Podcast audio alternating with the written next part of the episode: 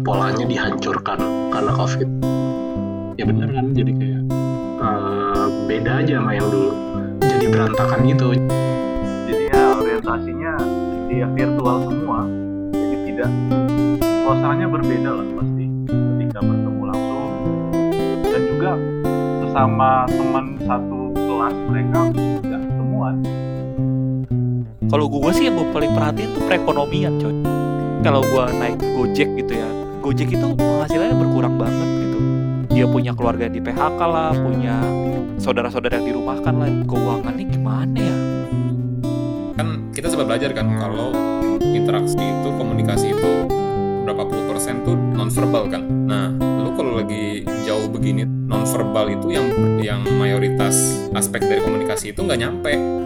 Iya tuh kayak ada ada yang hilang gitu loh dari komunikasi manusia. Selamat datang semuanya. Selamat datang kembali. Hai. Halo. Ketahuan yang sering bikin podcast siapa? Sapaannya udah lebih ini ya, flawless gitu ya Beda level dibanding nggak nggak beda level juga sih. Hari ini ada yang WFA nggak? Semua WFH. semua WFH. Oh, WFA. Jadi semuanya WFA ya. Lu Jadi gue WFA juga, iya. Gue masuk tuh cuma Selasa Kamis. Sisanya libur. Sisanya WFA. Oh. Ya. eh load pekerjaannya, beban pekerjaannya berkurang banyak sih kalau di kerjaanku. Kalau kalian gimana? WFA-nya beda nggak sama atau lebih sibuk mungkin? Eh, sebenarnya sih menurut gua loadnya sama sih ya, tapi kalau di kantor kan lebih produktif kayaknya tuh. Lebih bisa fokus. Kalau WFH kan susah. Ya sih. Magnetnya dari kasur kuat ya jam. Bukan bukan kasur doang, kayak semuanya gitu. Kehidupan ini banyak godaan. Betul betul betul.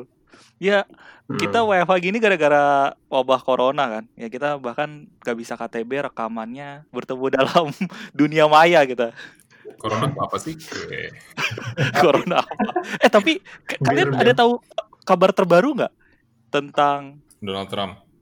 Donald Trump corona? Trump corona. Terus juga maksudnya gue mau bilang bahwa di tahun ini banyak hal-hal nggak terprediksi yang terjadi gitu. Terus juga kalian tahu nggak beberapa hari, beberapa minggu terakhir ada yang meninggal tokoh Black Panther siapa namanya? Chadwick Boseman. Black, Black Panther Mamba. kan. Iya nggak. Poinnya tahun ini banyak hal-hal nggak terprediksi yang terjadi. Benar sih. Black Benar. Iya. Black Mamba, Kobe, Kobe, Kobe. Bryant.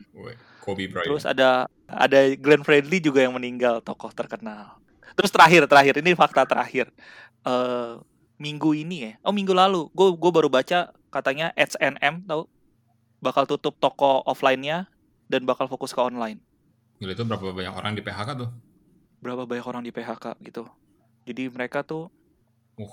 bener bener-bener apa ya gue nggak tahu sih modalnya besar tapi harus empot-empotan di masa ini juga gitu terus ada juga Hmm. Victoria Secret yang udah duluan gulung tikar ya jadi di statement pertama gue emang agak menyedihkan sih gue pengen ngomong Donald Trump yang sangat berpengaruh Black Panther, Black Mamba, Glenn Fredly yang sangat terkenal atau uh, perusahaan-perusahaan yang bermodal besar pun tidak menutup kemungkinan dapat hal buruk terjadi di wabah ini gitu.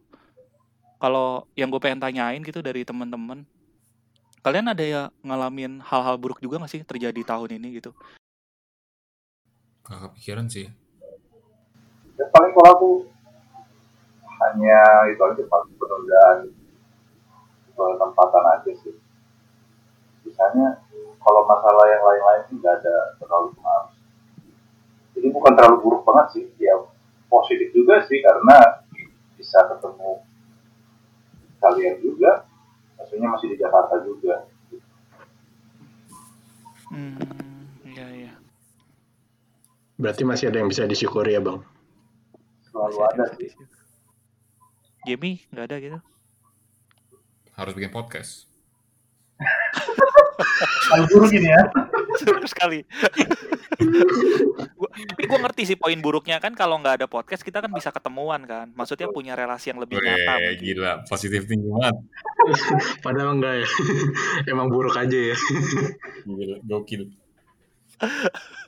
Kalau gue yang ini sih, ini gue belum ceritain di mana pun bahkan. Jadi kalau mereka denger dari sini beruntung. Yang gue sempat masuk isolasi di rumah sakit 20 hari karena apa suspek corona. Hmm. Tapi puji Tuhannya kan enggak. Tapi gue harus 20 hari diisolasi dan bener-bener nggak bisa ketemu orang.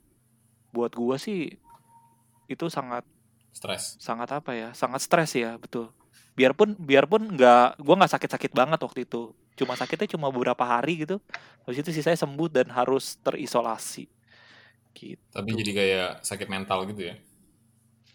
gue sampai di level takut untuk ngobongin orang sih ah udah gue males ah gitu males gitu Tapi katanya itu loh, apa? Kenapa orang tuh eh, sebenarnya ada yang nggak setuju lockdown gitu kan? Untung kita PSBB sih. Tapi katanya lockdown itu sebenarnya lu nggak sakit covid tapi lu sakit mental katanya. Betul. Eh mental health Ada. berkurang. Hmm, Kalau kata pendeta kemarin apa eh, hidup kita eh, polanya dihancurkan Hmm. karena covid. Ya bener kan jadi kayak eh, beda aja sama yang dulu. Jadi berantakan gitu. Contoh dulu kan kayak mau ke mana aja, mau makan keluar, ya udah tinggal keluar gitu loh. Sekarang mesti pakai masker lah. Terus eh, belum ada ini kayak oke lah kita pergi nanti begitu ketemu orang kadang ada tuh kayak keluarga gue yang parno ih ketemu orang lah kayak takut kena virus lah beda lah sama dulu kayak yang dulu bi- bisa ke mana-mana kayak tiap hari kerja pulang pergi juga nggak nggak ada concern nggak ada apa ya concernnya cuma kalau lembur aja macet paling macet iya sekarang Hmm. kerja takut takut sakit iya bener Hmm. Betul. Kalau lu jam ada yang lu takutin di masa-masa seperti ini? Ya, gue tahu sih ini PSBB beda sama lockdown kan, tapi kan tetap aja lu akhirnya dibatasin untuk ketemu orang, dibatasin untuk Gue sih ke kantor. lebih bukan takut sih lebih ke apa ya kayak maksudnya orang kan ngomong kan maksudnya kalau lu lagi masa-masa gini tuh produktivitas lu turun gitu kan Produktivitas ya. lebih banyak effort aja dikeluarkan untuk mengerjakan hal yang sama gitu loh Hmm, jadi lebih capek capek, iya capek. hmm. Menurut gue ya di tengah masa-masa ini ya, maksudnya kita ngomongin dunia luar itu kan bener-bener banyak hal negatif terjadi.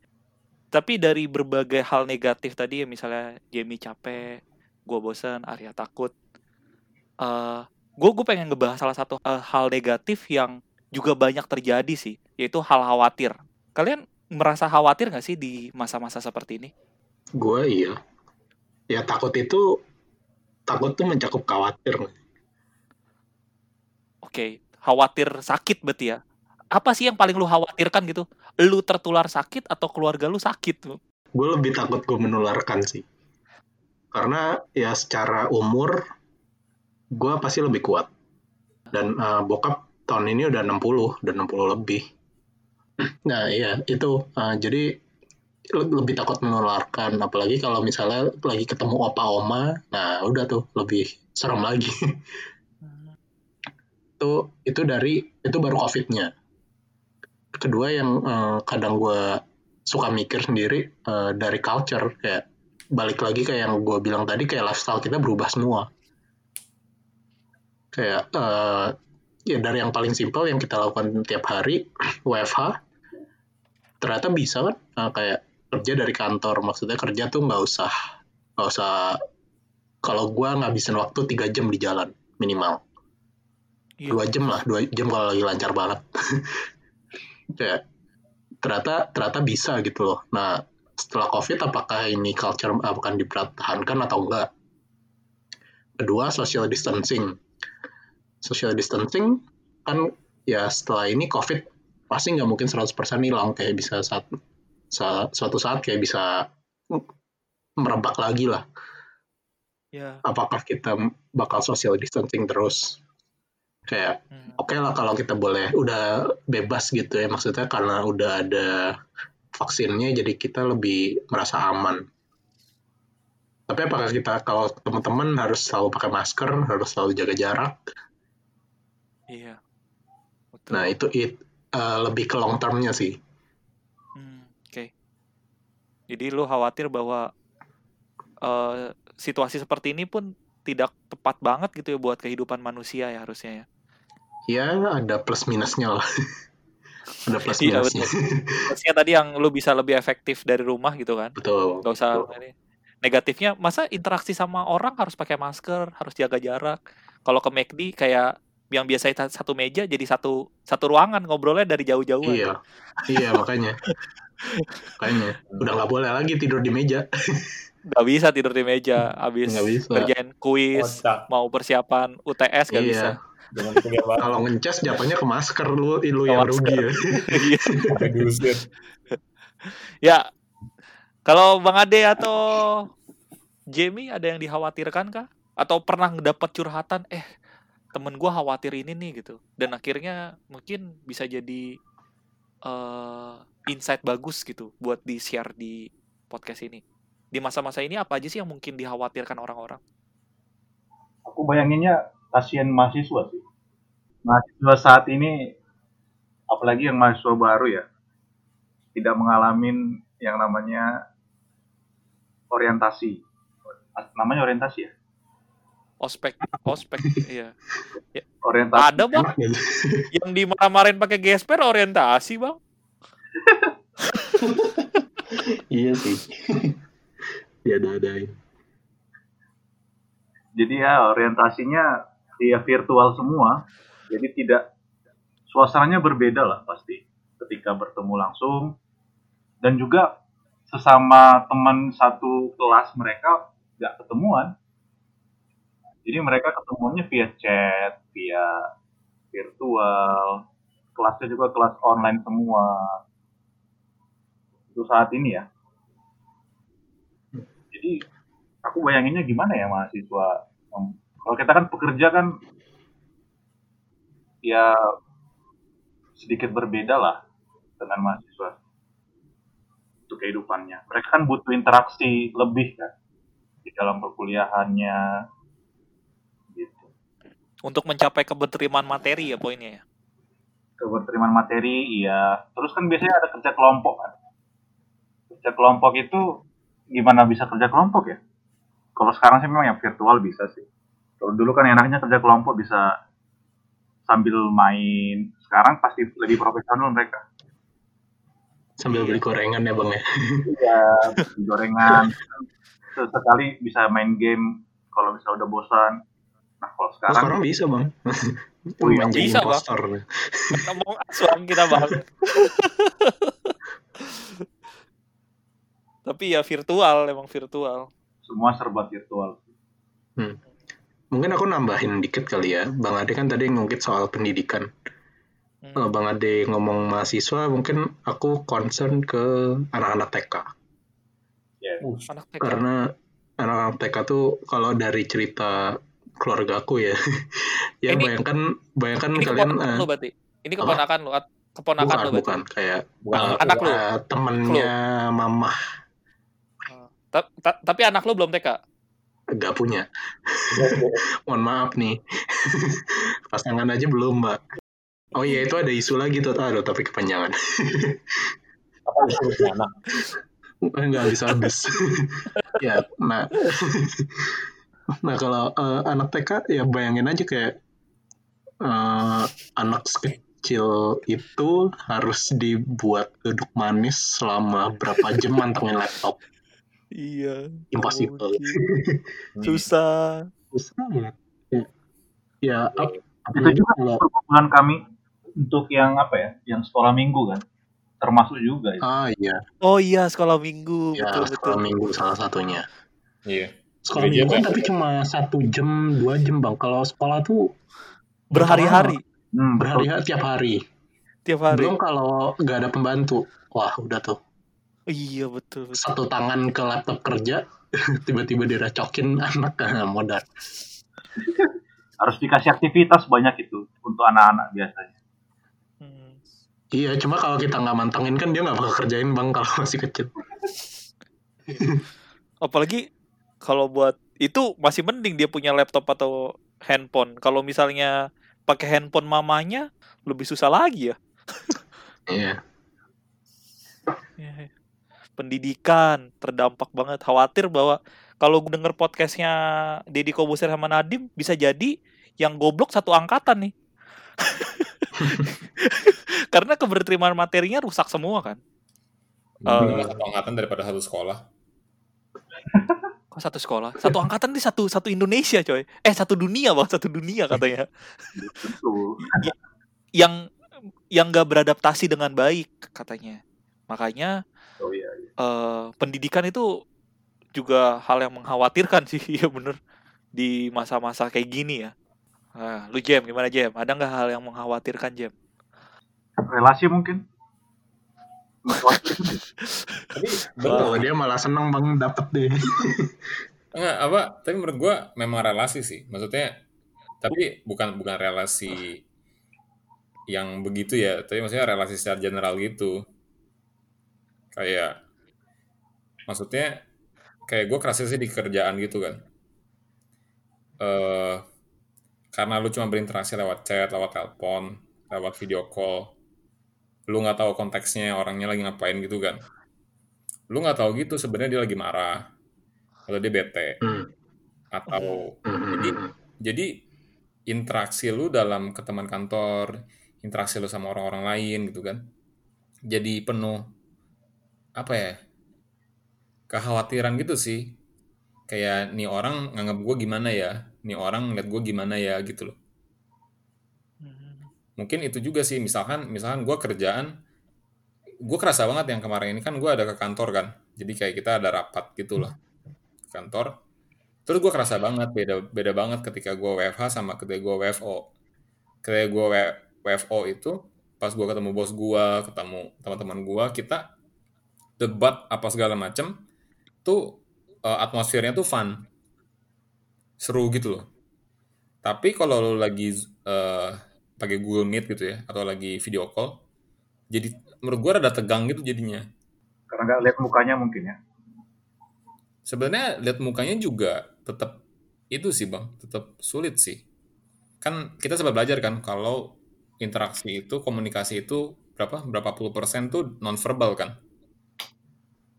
yes Nah, lu kalau lagi jauh begini tuh lu nggak bisa nonverbal itu yang berpuluh puluh yang mayoritas aspek dari komunikasi itu nggak nyampe. Jadi kayak lu itu kayak ada ada yang hilang gitu loh dari komunikasi manusia. Dan itu sangat mengkhawatirkan ya. Ada relasi-relasi yang nggak utuh gitu ya.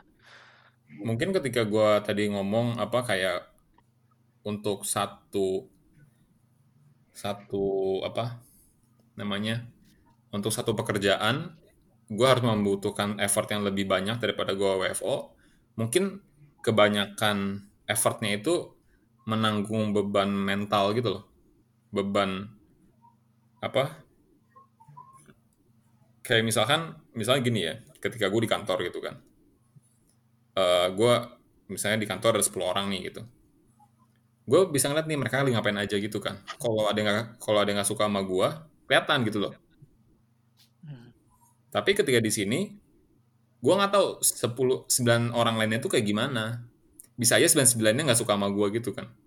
Dan ada uncertainty itu loh di di di benak gue gitu kan.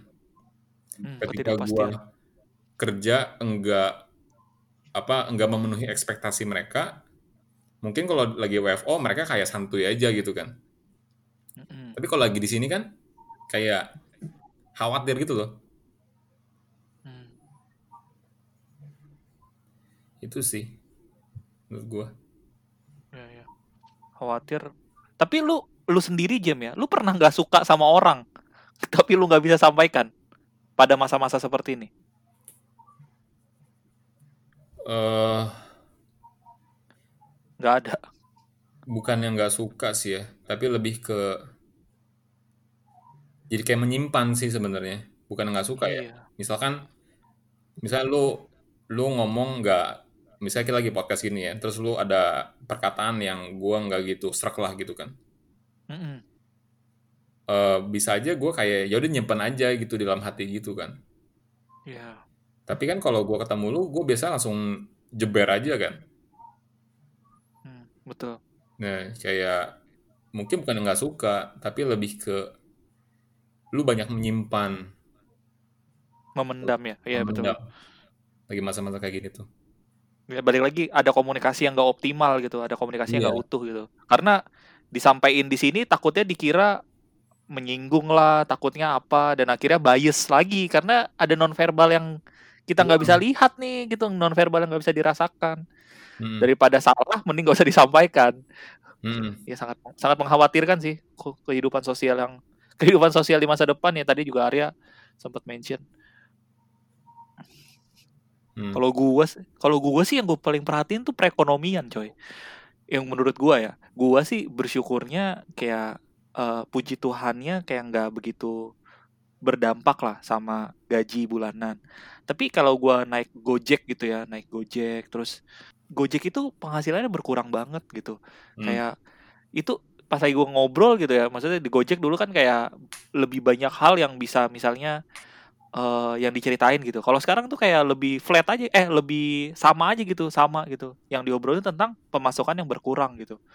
Terus dia punya keluarga yang di PHK lah, punya punya eh, orang-orang saudara-saudara yang dirumahkan lah dan akhirnya gak digaji dan itu gue pikir ya, buset keuangannya gimana ya? Eh beruntungnya gue sih belum banyak dengar tindak kekerasan ya terjadi. Tapi kan kalau ngomongin perekonomian rendah, ngomongin tentang istilahnya kesenjangan sosial, se- kayak apa istilahnya sebab akibatnya bakal ke kekerasan kan. Semoga nggak terjadi sampai sana gitu. Jadi banyak banget hal mengkhawatirkan sih di masa pandemi ini. Hmm. Setuju ya. Yang nggak setuju juga nggak apa-apa sih. Tapi ya, ba- banyak yang mengkhawatirkan lah. Iya. Gimana ya nge-bridgingnya tunggu ya. Tapi berat juga ya. Ini karena karena sangat rohani nih bridgingnya. Udah melebar ya. Lebar Iya betul, melebar kayak ya nggak apa-apa, tapi masih dalam konteks mengkhawatirkan. Tapi menurut gua ya, eh 2020 emang bener-bener banyak hal yang mengkhawatirkan. Tapi di 2019, 18, 17, waktu kita kuliah, waktu awal kita bekerja, bukan berarti hidup kita baik-baik saja juga kan. Kita pernah ngalamin rasa takut harusnya.